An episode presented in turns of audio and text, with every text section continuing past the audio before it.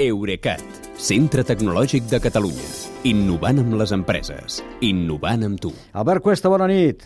Bona nit, Kilian. Saps què, Albert? Eh, el títol que suggereixes perquè aquesta notícia que ara nosaltres estem fent aquí en directe al programa després estigui a la xarxa, em sembla que ho diu bastant tot, eh? I si em permets, el, el diré avui. Habitualment no cal dir-lo perquè ja forma part d'allò que la gent veu a, a, al nostre web. A la web i al podcast, sí. Sí, al web i al podcast. Estàdia, nova làpida al cementiri de serveis de Google. Que és molt ampli. Sí, que és molt ampli. Eh? Eh, això és perquè Google ha confirmat, em, em sembla un títol que queda molt clar, que Google ha confirmat que tancarà el servei Stadia de videojocs al núvol. Què ha passat aquí? Doncs mira, el que passa és que els abonats a Stadia podran continuar jugant-hi normalment fins al 18 de gener de l'any que ve, que és el dia que pagaran el servei.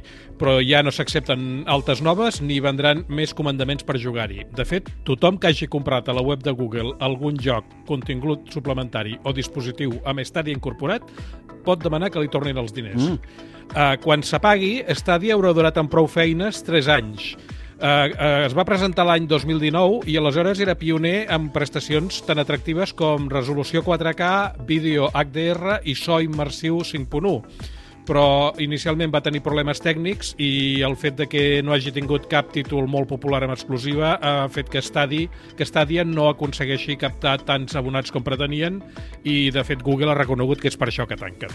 I què ha passat aquí? Perquè eh, Stadia és un dels diversos serveis de videojocs al núvol, no és l'únic. En què són diferents d'una videoconsola, això? En poques paraules, un servei de videojocs al núvol és com un Netflix, però de videojocs. Uh, no els jocs no s'executen al teu ordinador o al teu telèfon o a la teva videoconsola, sinó sota demanda als centres de dades del núvol, com Netflix, vaja. Uh, amb el teu aparell el que fas és només participar amb el comandament i visionar amb una aplicació pròpia o amb el navegador web però el que, les partides on, on s'estan jugant és amb un servidor remot. D'aquesta manera t'evites haver de comprar i d'anar renovant una videoconsola d'última generació o un, o un ordinador d'aquests de, que en diuen de gaming, de gran potència. Sí. Uh, aviam, els videojocs al núvol uh, només són possibles ara perquè tenim connexions ràpides, de fibra o de mòbil 5G. I, i són un dels segments d'aquest mercat dels videojocs que creix més. Hi ha serveis que triomfen, com Xbox Cloud Gaming de Microsoft, PS Now de Sony, GeForce Now de Nvidia, Luna d'Amazon, que també en tenen un, i Shadow, entre d'altres. Malauradament per Google, que si hi ha algú que té servidors és ella i ho podia fer, Stadia no s'ha fet un lloc entre tots aquests. Però sembla mentida que un gegant com Google no l'encerti i hagi de, de tancar serveis. Sembla com si vagi desmenjat, és igual, en tinc més, sembla. Sí, home, sí, la veritat és que sí, perquè amb això de tancar serveis hi tenen la mà trencada. Mira, hi ha unes quantes pàgines a la web que porten el compte dels productes i serveis que les grans empreses com Google tanquen per cadascuna pels seus motius. El més popular d'aquests cementiris, i d'aquí això de la làpida que dèiem al començament, Sí. es diu Killed by Tech, o sigui, assassinat per les tecnològiques, i des de l'any 2006 tenen registrades 52 apagades de servei per part de Google, de diferents coses que han tret i han, apagat, i han tancat, 93 de Microsoft i 274 de Google que amb Stadia, per cert, ja seran 275. De llarg la que més, d'aquestes La que tres, més, més. Sí, sí.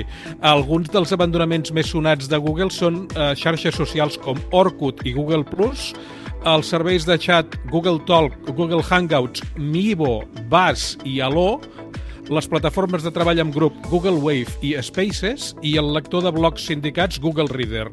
Uh, potser alguns no us sonen, però uh, potser alguns altres, uh, algun, algun oient n'havia fet servir i uh, en el seu moment es va quedar amb un pam de mas de quan va tancar i de vegades sense oferir cap alternativa. Què passa aquí? Que potser Google és massa optimista fent experiments o que tant li fa tot i ho prova tot? I... Bueno, s'ho pot permetre eh, i de fet no sembla que tingui intenció de parar, eh, no tant traient productes i serveis nous com afegint novetats als serveis que ja li funcionen.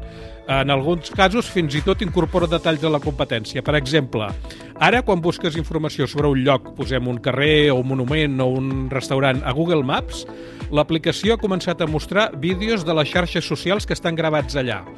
Amb això, què pretenen? Doncs evitar que se'ls marxin els usuaris, que, i això, que, que, que si li marxessin seria un problema pel negoci de Google, que és la publicitat. I és que, segons les dades de la mateixa Google, gairebé el 40% de la gent jove que busca un lloc per menjar ja no ho fa ni al cercador ni a Google Maps, No? sinó que van directament a TikTok o Instagram. Ah, I una altra amenaça que hi ha per la, pel negoci de publicitat de Google. Més de la meitat de cerques de productes no comencen a Google, sinó a Amazon.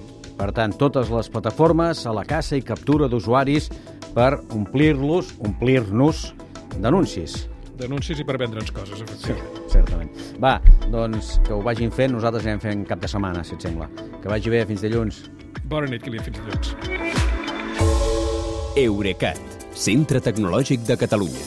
Innovant amb les empreses. Innovant amb tu.